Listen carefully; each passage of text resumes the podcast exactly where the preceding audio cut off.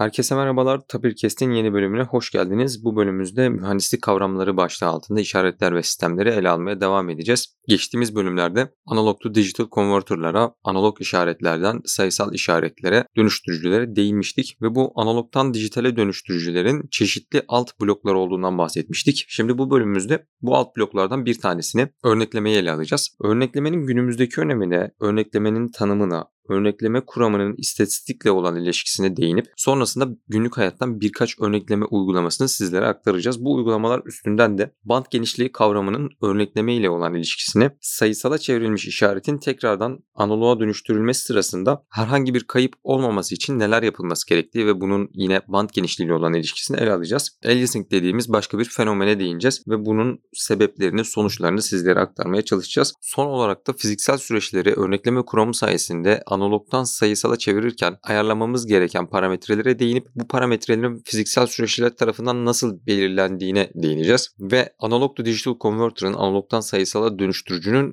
bir başka alt bloğu olan nicemlemeye, quantization'a giriş yapacağız. Keyifli dinlemeler dileriz.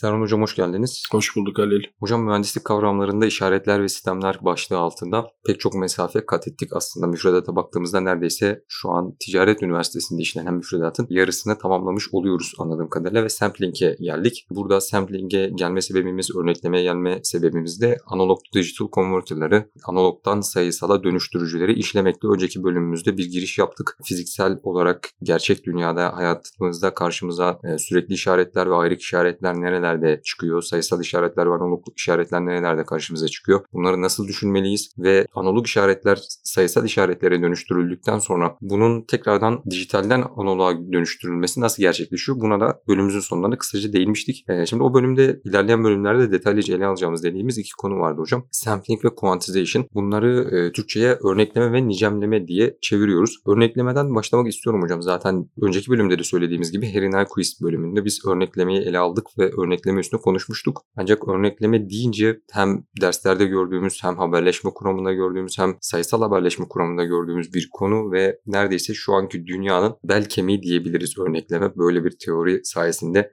bütün işlerimiz yürüyor, bütün işlerimiz örnekleme sayesinde gerçekleşiyor. Eğer örnekleme mümkün olmasaydı fiziksel olarak örneklemeyi gerçekleştiremiyor olsaydık şu an sahip olduğumuz bütün teknoloji elimizde olmayacaktı diyebiliriz. Ee, örneklemenin bu önemine binaen hocam yani örneklemeyi kısaca anlatmak istesek, öğrencilere açıklamak istesek, insanlara açıklamak istesek sizce en iyi yorum, en e, sizin en çok beğendiğiniz yorumu nasıl oluyor? Öncelikle tekrar beni bu platforma davet ettiğiniz ve kıymet verip e, bu şansı verdiğiniz için teşekkür ediyorum. Halil örnekleme konusu senin de söylediğin gibi biraz işin içinde olan herkes tarafından da çok net bir şekilde ifade edildiği üzere her şeyin temeli. Özellikle sayısal teknolojiler, bilgisayar mimarileri, bilgisayarla bu işleri yapma, hesaplama bunlar söz konusu olduğunda örneklemenin ne ifade ettiğini bu işin içerisinde olanlar zaten layığıyla biliyorlar. Ancak biz bizi dinleyen kişilere örneklemeyi anlatmak isteseydik iki bakış açısıyla aslında bunu söylemeliydik. Önce sözcüğün Türkçedeki kökeninin İngilizce'deki tam karşılığı olduğunu söylemekle başlamak istiyorum. Gerçekten örnek örnek alma, örnekleme bu işin aslında iki tane boyutunu da bence iki bakış açısını da güzelce özetliyor. Birinci bakış açısı bildiğimiz işaretler ve sistemler bakışı ile değerlendirildiğinden işte bu teknik terimi kullanarak ilerlediğimiz bir durum var. Bir fonksiyonun öyle anlatabiliriz ya da bir olgunun belli aralıklarla değerlerini alıp bir yere kaydetmek şeklinde değerlendirilebilir. Bu teknik bakış açısı. Ancak biraz işin içerisine girdiğinizde biraz daha bu işleri derinlemesine görmeye başladığınızda örneklemenin aslında istatistiksel örneklemden de bakış açısı içerdiğini, buna da çok güzel atıflarda bulunulduğunu, hatta kuramın ilerletilmiş sürümlerinin, genişletilmiş sürümlerinin tamamen istatistiksel olarak idare edildiğini ve bunun üzerinden aslında çok özel bir durum olan şu an derste anlattığımız örneklemeye gelindiğini anlıyoruz. Daha doğrusu konusu derste anlatılan asıl örneklemenin özel bir hali öyle söyleyebiliriz. Bu özel halde neye kastediyoruz? Aralıkların düzenli seçilmesi aslında temel dert bu. E ancak tabii bu aralıkların ne kadar yakın ne kadar uzak seçildiği bunların nerelerde nasıl seçilmesi gerektiği tamamen istatistiğin de işin içine girmesiyle söz konusu olacak bir durum. Dolayısıyla güzel özetledin örnekleme olmadan şu anda kullandığımız bu kayda aldığımız ortam bunu inşallah ilgili platformlara çıkarttığınız durumlar o, o arayüzü sağlayan teknolojiler hepsi örneklemeden öyle öyle ya da böyle doğrudan ya da dolaylı faydalanan teknolojiler diyebiliriz Halil. Teşekkürler hocam. Hocam örnekleme aslında sadece cep telefonunda ya da bilgisayarlarda kullanılan bir teori kuram olarak değil, gerçek hayatımızda sürekli karşımıza çıkan bir olgu olarak da görebiliriz. Örneğin muhtemelen siz de biliyorsunuzdur, tanık olmuşsunuzdur. Bir tarla düşünelim. Burada çeşitli mahsuller yetiştirilecek. Bu tarlanın ya da bu tarım alanının toprağının nasıl bir yapıya sahip olduğunu analiz etmek, anlamak için ziraat mühendisleri bildiğim kadarıyla ve gördüğüm kadarıyla bu tarlanın, bu dikim yapılacak, ekim yapılacak alanın çeşitli noktalarından, çeşitli farklı derinliklerde örnekler alıp bunları tek tek etiketleyip e, o ekim yapılacak alanın nasıl bir yapıya sahip olduğunu hem kimyasal hem fiziksel içinde ne kadar bakır bulunuyor, içinde ne kadar demir bulunuyor işte bunlar da belki yetiştirilecek ürünlere zararlı olabileceği için ağır metaller mesela e, ya da daha farklı içinde o toprakta şu anda ne kadar kimyasal kullanılmış, daha önceki ekim ve dikimlerden kalan kimyasallar neler, şu an orası yetiştirmeye uygun mu diye belirli aralıklarla alınıyor. Mesela çok büyük bir alanı düşündüğünüzde bütün oradaki toprağı yüzeyi alıp analiz etmeniz mümkün değil. Bu örneklerin analizleri üstünden de bir haritası çıkartılıyor ve hangi besinlerin, hangi bitkilerin orada ekilip dikilebileceğinin uygunluğu kararlaştırılıyor. Bu da sanırım örnekleme için bir örnek olarak verilebilir. Bizim alanımızda, bizim günlük hayatta aslında laboratuvarda sürekli kullandığımız bir şeyde elektronik devreleri basmak için kullandığımız bakır plakaların CNC ile basıyoruz, bir freze ile basıyoruz ve bakır plaka düz olmasını beklerken düz olduğunu varsayıp CNC'ye hep 0.1 mm aşağı gir dediğimizde bu 0.1 mm'nin bakır plakadaki karşılığının her zaman 0.1 mm olmadığını görüyoruz. Bunun sebebi de bakır plaka her ne kadar bir düzlem olarak düşünsek de çeşitli fiziksel etkilerden ötürü eğiliyor, bükülüyor. Üstünde milimetrik olarak milimetrenin onunla birleri seviyesinde değişimler olduğu zaman bizi öldürüyor. Çünkü zaten biz milimetrenin onda biri kadar içine girmek istiyoruz. O yüzden milimetrenin yüzde biri bir değişim bile bizim için çok büyük sıkıntı. Bunun önüne geçebilmek için bir e, auto leveling dediğimiz bir işlem var. E, yani nasıl diyebiliriz? Bir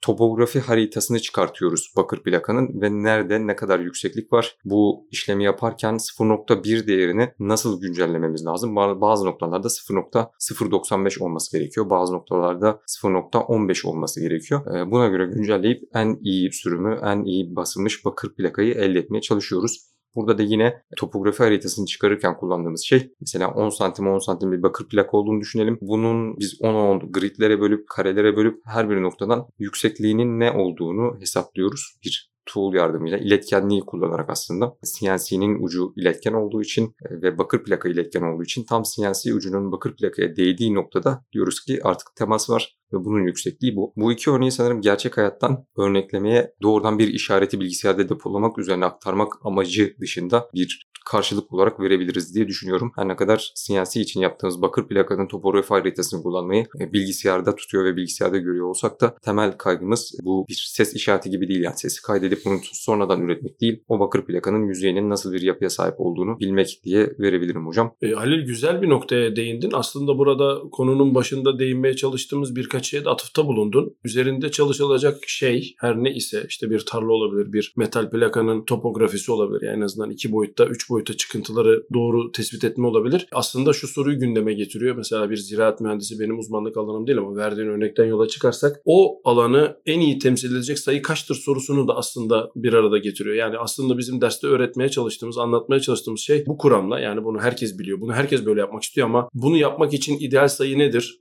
E şöyle yaparsak başımıza neler gelir, yapmazsak neler geliri insanlara kağıt üzerinde göstermek. işte. bu da karşımıza haberleşme kuramında ve işaretlemede en sık karşılaştığımız band genişliği birimini ortaya getiriyor. Yani aslında bu işin adı band genişliği kestirimi diyebiliriz. Yaptığınız işin anlamlı olabilmesi için, bir işe yarayabilmesi için, doğru bir şekilde ifade ettiğinden emin olmanız için işte örnekleme kuramının orada içinde geçen bir anahtar sözcük var ki o da band genişliği. Ne demek istiyoruz bununla? Bir tarlanın büyüklüğü söz konusu olduğunda bu tarlayı en iyi temsil eden senin verdiğin örnek üzerinden gidiyorum tekrar. O tarlayı en iyi temsil eden kimyasal bileşimi anlamlı bir biçime getirip işte ekilecek ekinlerin de düzgün bir serpilmesini sağlayabilecek bir e, senaryo için bu sayı kaç olmalıdır sorusunun kağıt üzerindeki yanıtı bant genişliği aslına bakılırsa. Ya da e, CNC örneğinden gidersek yine alanı belli olan bir levhanın bizim çalışma koşullarımız çerçevesinde bizim istediğimiz seçenekler dahilinde en iyi temsil edilebilmesi için kaç tane örneği ne kadar sıklıkla almalıyız? Aslında örnekleme kuramının araştırdığı şeyleri böyle özetleyebiliriz. Ne kadar sıklıkla ve ne kadar? Yani bu ne kadarı şöyle ifade ediyoruz. Üzerinde çalışacağınız şeyi temsil eden aslında birimi karşılayacak bir terazi bulmaya çalışıyorsunuz. İşte buna da band genişliği diyoruz. Belki daha güncel bir örnek olması açısından hem de haberleşmeyi ve insanların da kullandığı bir teknolojiye yakınsaması açısından ses kayıtlarını değerlendirebiliriz. İşte şimdi eskiler belki yaşı yetenler hatırlayacaklardır. İlk başta CD'ler çıkmıştı. Daha sonra DVD'ler çıktı. Daha sonra MP3 adı verilen bir sıkıştırma yöntemiyle bir diske daha fazla şarkı sıkıştırma söz konusu oldu. Bu örneği vermek istiyorum. Neden diyeceksiniz? Aslında yapılan iş aynı. Bir ses kaydının ki bu orijinal işte bir konser kaydı olabilir, bir şarkıcının kendi sesi olabilir ya da bir konuşma olabilir. Bunu en iyi şekilde temsil edebilmek için sizin bunu bilgisayar ortamına ya da CD ortamına, DVD ortamına yani ikili sayılara dönüştürme esnasında ne kadar sıklıkla örnek alacağınızın aslında belirleyicisi ilgili kaydın sahibi kendisi. Yani bu ne demek? İnsan sesi için bunu söyleyelim. İnsan sesinin eğer anlaşılabilir kısmını, yalnızca anlaşılabilir kısmını almak istiyorsak, konuşan kişinin cinsiyetinden bağımsız, konuşan kişinin ruh halinden bağımsız, konuşan kişinin duygu durumunu belirten bizim için, insan beyni için anlamlı şeylerden bağımsız Yalnızca o kısmını alırsak yaklaşık 3-4 kHz'den bahsediyoruz. Ancak siz insan sesinin cinsiyetini de ayırt edebilmemizden bahsediyorsanız bu 8-10 kHz'e kadar çıkıyor. Eğer bu bir konser kaydıysa ve kulağımız buna müsaitse en yüksek frekanslı diyeceğim artık ona. Bileşenleri bile duymak istiyorsak bu sefer 20 kHz'den bahsediyoruz. Ya gördüğümüz gibi ses aynı ses olmasına rağmen bizim gereksinimimize göre, bizim amacımıza göre o örneklemenin sıklığı yani band genişliği değişiyor. Tabii ki burada şu sonuç çıkabilir ben hepsini istiyorum, ben bunun en iyisini istiyorum derseniz o da zaten sizi kaynağın bant genişliğini tespit etmeye götürüyor ki bu az önce senin de söylediğin ziraat mühendisinin yaptığı işe benziyor biraz. Elimizdeki araçlar vasıtasıyla belli bir istatistik çerçevesinde örnek için insan sesi için konuşuruz. Çeşitli milletlerden, çeşitli boylardan, çeşitli yaşlardan, çeşitli gruplardan insanları toplayıp e, bunlarla alakalı bir çeşit kestirim diyelim yöntemini kullanarak bunların istatistiği üzerine deriz ki e, anlaşılabilir insan sesi yaklaşık işte 3 kHz 4 kHz'lik bir banda sıkışmış durumdadır. İşte genelde 300 ile 3400 arası söylenir kitaplarda. Dolayısıyla sizin örnekleme yapacağınız aralık bunu kapsayacak biçimde tasarlanmalıdır. Aksi takdirde kayıplar yaşarsınız denir. Buraya da değinmek istiyorum müsaadenle Halil. Kayıplar yaşamak ne demek? Kayıp yaşamak aslında şu, kaydın başında da bahsetmiştin. Analogtan sayısala dönüştürücünün bir de sayısaldan analoğa tekrar geri çeviricisi diyelim karşılığı olan cihaza verildiğinde sanki arada hiç bu dönüşüm yapılmamışçasına bir çıktı elde ediyorsak biz buna kayıpsız diyoruz. İşte o kayıpsızdaki kasıt aslında bu. Eğer içeri soktuğunuz şey örnekleme esnasında bu bant genişliğini eğer sığdırabiliyorsa içeri, bu bant genişliğini taşırmıyorsa, dışarı taşan bir miktar kalmıyorsa düzgün ideal şartlar altında bunun aynısını elde edebildiğinizi matematiksel olarak biliyoruz. Tabii ki bunun için çokça mühendislik uygulamaları gerekiyor ama kabaca örneklemeden muradımız iki şey. Bir, temsil ettiğimiz şeyin, temsil etmesini istediğimiz şeyin tamamını temsil edip etmediğini önceden biliyor olmak. İki, etmediyse başımıza neler geldiğini e, söylemek. Bunun tersi üçüncü değil yani tersi eğer yapabiliyorsak bunu ne kadar iyi yapabildiğimizin de ölçüsünü sağlamak. Bunların hepsi bir araya geldiğinde işte şimdi muhtemelen bu kaydın da özelliklerinde göreceğimiz kilobit per second gibi karşımıza çok gündelik hayatta kullanmadığımız tuhaf tuhaf birimler çıkıyor. İşte o aslında bilginin ölçüsü dediğimiz biraz işin içerisine entropinin de girdiği, çeşitli şeylerin girdiği algoritmaların ve uygulamaların çıktısı olarak gündelik hayatta karşımıza çıkıyor. Sağ olun hocam. Şimdi bu noktada kayıptan söz edince biraz daha ben kaybın ne olabileceğini olabileceğine örnek vermek için yine CNC üstünden ya da bir topografi haritası üstünden de doğrudan gidebiliriz. Bir yer yüzeyinin ya da adanın işte yüzde yüzlük bir adanın örneğini haritasını, topografi haritasını çıkarmaya çalıştığımızı düşünelim. Onar metrede bir yükseklik ölçümünü yaparken bu 2-10 metre arasında belki çok dik bir tepe var ve biz bunu kaçırıyoruz. Orası sanki düzmüş gibi davranıyor olabiliriz. Ee, yine sampling'de örneklemede ses için söylediğimizde dediğiniz gibi 3400 kHz'e kadar aldığımızda daha yüksek mertebede bulunan frekansları alamıyoruz ve bunları tekrardan üretmeye çalıştığımızda üretemiyoruz. Ancak bir de aliasing dediğimiz bir olay var hocam. Yani yüksek mertebede bulunan frekanslar aslında işaretimiz içinde kendisini asıl olduğu yerde değil de başka bir noktada sanki varmış gibi gösterebiliyor. Bu da kaybın içinde değerlendiriliyor mu yoksa bu ayrı bir problem olarak mı karşımıza çıkıyor? Bunu çözmek için ne yapmamız gerekiyor? Bunu da bir sormak istedim. Çok güzel soru. Aslında bilgi kuramı çerçevesinde buna kayıp demiyoruz. Çünkü alias olmuş bir şey. Yani bir bozulmuş kopyası da demeyeceğim. Olmaması gereken yerde beliren bir kopyası belirdiği için aslında bilgi kaybı olmuyor. Ancak olmaması gereken yerde bir kopya oluştuğunda orada başka bir şey varsa üst üste bindiği için bir kayıp yaşanabilir. Bu aslında verdiğin örneğin belki insanların gözünde canlanabilmesi için teknik kısımdan arındırılmış sürümü eski çizgi film tekniği olarak belki gösterilebilir. Hatta literatürde 25. kare yöntemi evet. diye buradan giriyor. İşte eski çizgi filmler malumunuz düz bir kağıda çeşitli aralıklarla çizilmiş donmuş görüntülerin özel bir çember üzerine bir aralıktan hızlıca çevrilmesiyle insan gözünün bu özelliği kullanarak sanki hareketliymişçesine yansıtılması ilkesine dayanır. Teknik tabiri merak edenler stroboskop etkisi diye bakabilirler. Şimdi burada iki tane şey karşımıza çıkıyor Halil. Eğer siz alıcı tarafta yani işleyen tarafta, bilgiyi işleyen tarafta kaynağın kendisiyle az önce sözünü ettiğimiz o bant genişliği taşması ya da altında kalması durumunu sağlayamazsanız filmlerde de gördüğünüz işte bir hareket eden arabanın tekerleğine doğru zoom yapıldığında ileri doğru giden arabanın tekerinin geriye döndüğü izlenimi ortaya çıkıyor. Yani aslında burada bilgi kaybı yok ancak temsilin yanlışlığı söz konusu. Ancak sözünü ettiğin özellikle haberleşme kuramında birden fazla işaretin biraz karman çorman diyeceğim bir spektrum içerisinde bulunmasında düzgün yerde bulunmaması aliasing sorunu yaşarsanız bu otomatikman bir başkasının üstüne bastığınızı, ezdiğinizi ya da sizin ezildiğinizi gösterir ki kayıp burada ortaya çıkar. E nasıl engellenir? Bütün haberleşme sistemlerinde, bütün işaret işleme sistemlerinde bu sorun yaşanmaması için üzerinde çalışılacak kaynağın bütün bilgileri önceden bilindiği varsayımıyla yani çok nadirdir bilmediğimiz bir kaynak üzerinde çalışmak. Zaten bilmediğimiz bir kaynak üzerinde çalışıyorsak az önce sözünü ettiğimiz sorunlar yüzünden bilmemeye devam ederiz. Dolayısıyla o kaynak üzerinde çalışırken bunu engelleyen bir süzgeç mutlaka ön tarafa konur. Bu o kadar bilinen bir şeydir ki artık işin içinde olanlar o süzgecin varlığından bahsetmezler. Halbuki hepsinin başında mutlaka bir teknik adıyla anti-aliasing filter yani olmaması gereken yerde olmayı engelleyen süzgeç ile mutlaka tasarım olarak önümüze gelir. Bu bir bakıma şuna benziyor. Siz olmaması gereken bir şey istiyorsanız oraya bir valve koyuyorsunuz. Yani o valve yalnızca olması gereken yönde ve e, şiddetli olanları alıyor, dışarıda olanları almıyor. Bu da zaten sizin istediğinizdir kapsamında değerlendirilebilir. Konunun aslında gittiği yeri özetlemek adına son bir şey daha söylemek istiyorum Halil. Bu sorun gibi anlattığımız aslında şey bazı özel uygulamalarda avantaja da dönüşebilir. Bir örnek verelim yine belki biraz teknik olacak ama en azından insanların gözünde canlanmasını belki sağlayabilir. Bir elektriksel işareti genelde görmek istediğimizde tırnak içerisinde osiloskop adını verdiğimiz bir cihaz kullanıyoruz ve işte sondalarını uygun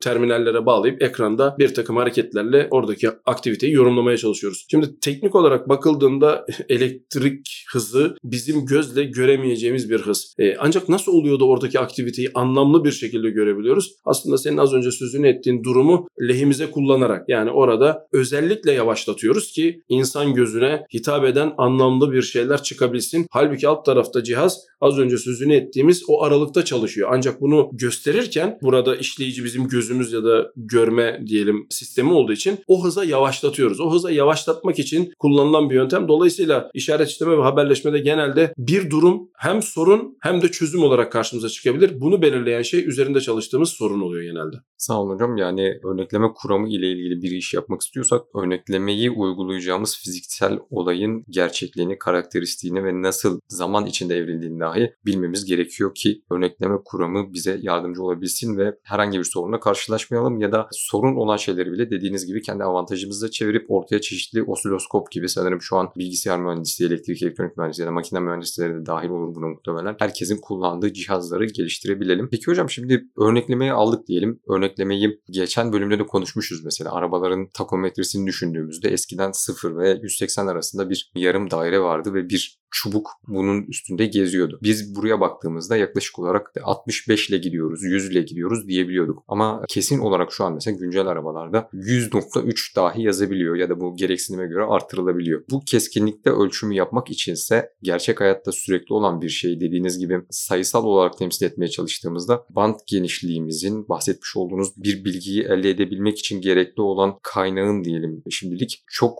fazla miktarda, çok yüksek miktarda olması gerekiyor ki bütün bilgi bilgiyi kapsayabilelim. Yani dediğiniz gibi 3400 Hz'e kadar insan sesini almak ile 22 kHz'e kadar insan sesini almak birbirinden oldukça farklı olaylar. Bu noktada bilgisayara çevirdiğimizde bunları bir sayıya dönüştürüyoruz ve bütün bu aralığı kapsayacak tam olarak continuous diyebileceğimiz, sürekli diyebileceğimiz bir olgudan çıkmış oluyor. Buna da zaten ayrık işaretliyoruz. Ancak sayısal olarak temsil etme dediğimiz şey tamamen farklı bir şey oluyor. Buna bir işlem daha ekleyerek bu değerlerin belirli aralıklarda sadece belirli sayılar olmasını sağlıyoruz. MATLAB'de büyük ihtimal ya da Python'da bir yerde bir Excel'de de olabilir. Grafik çizdirdiyseniz ya da podcast editi yapan insanlar varsa Audition'da o sürekli olarak görünen işareti siz yaklaştıkça, zoom yaptıkça, yakınlaştırdıkça sadece belirli noktalardan oluştuğunu görürsünüz. Diyecemleme quantization bu noktada bize sağladığı faydalar ve büyük ihtimalle bizden götürdüğü şeyler var. Çünkü belirli bir kısmını göz ardı etmemiz gerekiyor. Sadece belirli noktalara işaretimizi kısıtlamamız gerekiyor. Bu noktada nicemlemenin önemi ve nicemlemenin artıları eksilerinden de biraz bahsedebilir miyiz? Şimdi yine konu aslında analog to digital converter'ın analogtan sayısala çevricinin aslında fonksiyonlarından, alt fonksiyonlarından bir diğerine gidiyor. Ama ben burada geçişi müsaadenle şöyle sağlamak istiyorum. Bugünkü podcast'in ana konusu olan örneklemenin aslında gene dinleyenlerin gözünde canlanabilmesi için yani bir cümleyle özeti nedir dediğimizde bir fonksiyonu düşünelim. iki boyutta çizilen ama bir tane bağımsız değişkeni olan yani yatay eksen ve bu yatay eksende aldığı değerleri düşey eksende çizdiğimiz bir grafik gibi düşünelim. Örnekleme bunun yatay eksenle ilgili problemini çözüyor. Yatay eksende ne yaptığımızla ilgili şeyleri konuştuk bu zamana kadar. Ancak senin de söylediğin gibi bazı durumlarda düşey eksende de böyle kesik kesik yalnızca belli sayılarda mevcudiyeti diğer aralıklarda mevcudiyetini çok umursamadığımız bir yönteme de geçiyoruz. Bunun gündelik hayatta da bir karşılığını vermekte fayda var. Ben bugüne kadar ben görmedim belki vardır. Boyun kaç dediğinde hiç kimsenin benim boyum 1.63 07 83 42 dediğini duymadım. Yani 1.63 1.75 1.80 yani noktadan sonra iki hanede genelde insanlar kesiyorlar. Ama gerçekte insan boyunu ölçmeye çalışsak işte en son teknolojilerle gün içerisindeki değişimini bir yere bırakırsak lazerle işte şununla bunu ölçsek muhtemelen söylenen sayı kabaca doğru olsa da küsuratı bayağı fazla olabilir. Şimdi burada örneklemenin hemen yanına koyduğumuz nicemleme devreye giriyor. Dediğin gibi bunu nerede kesmeliyiz? ve ne kadar yapmalıyız? Şimdi nerede kesmeliyiz sorusu nicemlemenin tırnak içerisinde teknik tabirle derinliği. Yani bilgisayar dilinde buna şu kadar bitlik bir derinlikte derler. Mesela dinleyenlerimiz merak ederlerse işte kendi bilgisayarlarından bir ses dosyasını açıp hemen bu özelliği görebilirler. İşte 8 bit derinlikte, 12 bit derinlikte, 14 bit. Bu sayıların neye karşılık geldiği şu anda çok önemli değil. Ancak burada senin az önce söylediğin önemli bir şey var. Bunu yaparak ne kazanıyoruz? Aşikar sayılar çok keskin ve bunun dışındaki sayılarla ilgilenmiyoruz diyoruz. İşimizi kolaylaştırıyoruz. Peki terazinin kefesinde ne kaybediyoruz? İlginç bir şekilde sözcüğü kayıp diye söylersek biraz yanıltıcı olabilir. Teknik terimi bir şey elde ediyoruz ama elde ettiğimiz şey avantajımıza değil aslında sisteme olmayan bir gürültü sokuyoruz. Buna nicemleme gürültüsü deniyor. Yani aslında kaybetmiyoruz, kazanmıyoruz da ama başımıza iş açılıyor. Yani bu biraz daha istatistiğin konusu ve belki de digital to analog converter'a geçildiğinde belki daha da anlamlı olacak bir şey ama burada şunu söylemek lazım. Örnekleme ve nicemleme düzenleme birisi yatay eksende birisi düşey eksende olmak üzere bir şeyleri ayrık olarak ifade etmekle alakalı çok ilginç iki konu. Yatay eksende bu az önce sözünü ettiğimiz durum gibi olmak olmamakla birlikte düşey eksende sisteme hiç olmayan, işaretin içerisinde mevcut olmayan, sadece mantıksal zihnimizde olan ama kağıt üzerine yazdığınızda gerçekten orada olduğunu gördüğünüz bir gürültü ekliyor. Dediğim gibi avantajı senin de söylediğin gibi yalnızca bazı sayıları kullanmak, yalnızca sınırlı bir küme içerisinde işlem yapmak çok büyük avantaj tasarım kolaylığı ne derseniz. Ama bunun bir de götürüsü var. Onun ortaya çıkarttığı bir tür gürültüyle de uğraşmak zorunda olduğunuz bir takım işaretler ve işlemler silsilesine yol açıyor. Dolayısıyla örnekleme konusunun yanında nicemleme konusunu da e, ayrıca değerlendirmek lazım. Ancak şunu da söyleyerek sözlerime son vermek istiyorum. Nicemleme ve örnekleme gene eksenler göz önünde bulundurulduğunda birbirine dik eksenlerde oluştuğu için bunların birbirinden bağımsız işlemler olduğunu insanların bilmesi gerekiyor. Aynı işaret üzerinde yapılıyor. Ancak aynı işaretin iki farklı birbirine dikken ortogonal dediğimiz alt bileşenler üzerinde yapıldığı için birbirinden bağımsız. Bu bilgiyi niye verdim? Analog to Digital Converter bölümünde de bahsetmiştik. Bunların işlem sırası birbirinden bağımsız olduğu için tasarım kolaylığı sağlıyor. Bir tanesini önce yapmak ya da bir tanesini sonra yapmakla sırayı değiştirmek arasında matematiksel olarak hiçbir fark yok. Ancak uygulamada tabii bazı farklar var. Genelde ikisini aynı anda dediğimiz gerçek zamanlı yapmaya çalışan devreler üzerinde çalışılır ama matematiksel olarak bu ikisi tamamen birbirinden bağımsız operasyonlar diye sözlerime son vermek istiyorum Ali. Teşekkürler hocam. Siz nicemlemeden bahsederken benim aklıma da para örneği geldi. Özellikle bankalarda, banka hesaplarımızda ya da döviz bürolarında virgülden sonra pek çok basamak görsek de bizim gerçek olarak gerçek hayatta verebileceğimiz en düşük para Türk lirası cinsinden bir kuruş bir kuruşun daha altına inemiyoruz ve parayı bir kuruş, beş kuruş, 25 kuruş gibi çeşitli bölümlere ayırıyoruz. Paranın bu şekilde kuantize edilmesi, nicemlenmesi günlük hayatta çeşitli etkileri oluyor tabii ki. Örneğin banka hesabınızda para çekerken ya da bir borç öderken ya da bir döviz bozdururken ya da döviz yaptırırken bu virgülden sonraki basamakları mecburen en yakın basamağa, en yakın nicemleme birimine e, yuvarlamamız gerekiyor. E, ben de bu örneği vererek bölümümüzü kapatmak istedim. Tekrardan katıldığınız için teşekkür ederiz hocam. Ben teşekkür ederim Ali tekrar bana bu fırsatı verdiğiniz için. Bir sonraki bölümümüzde nicemlemeye, kuantizasyona daha detaylı bir şekilde değineceğiz. Herkese iyi haftalar dileriz. Görüşmek üzere.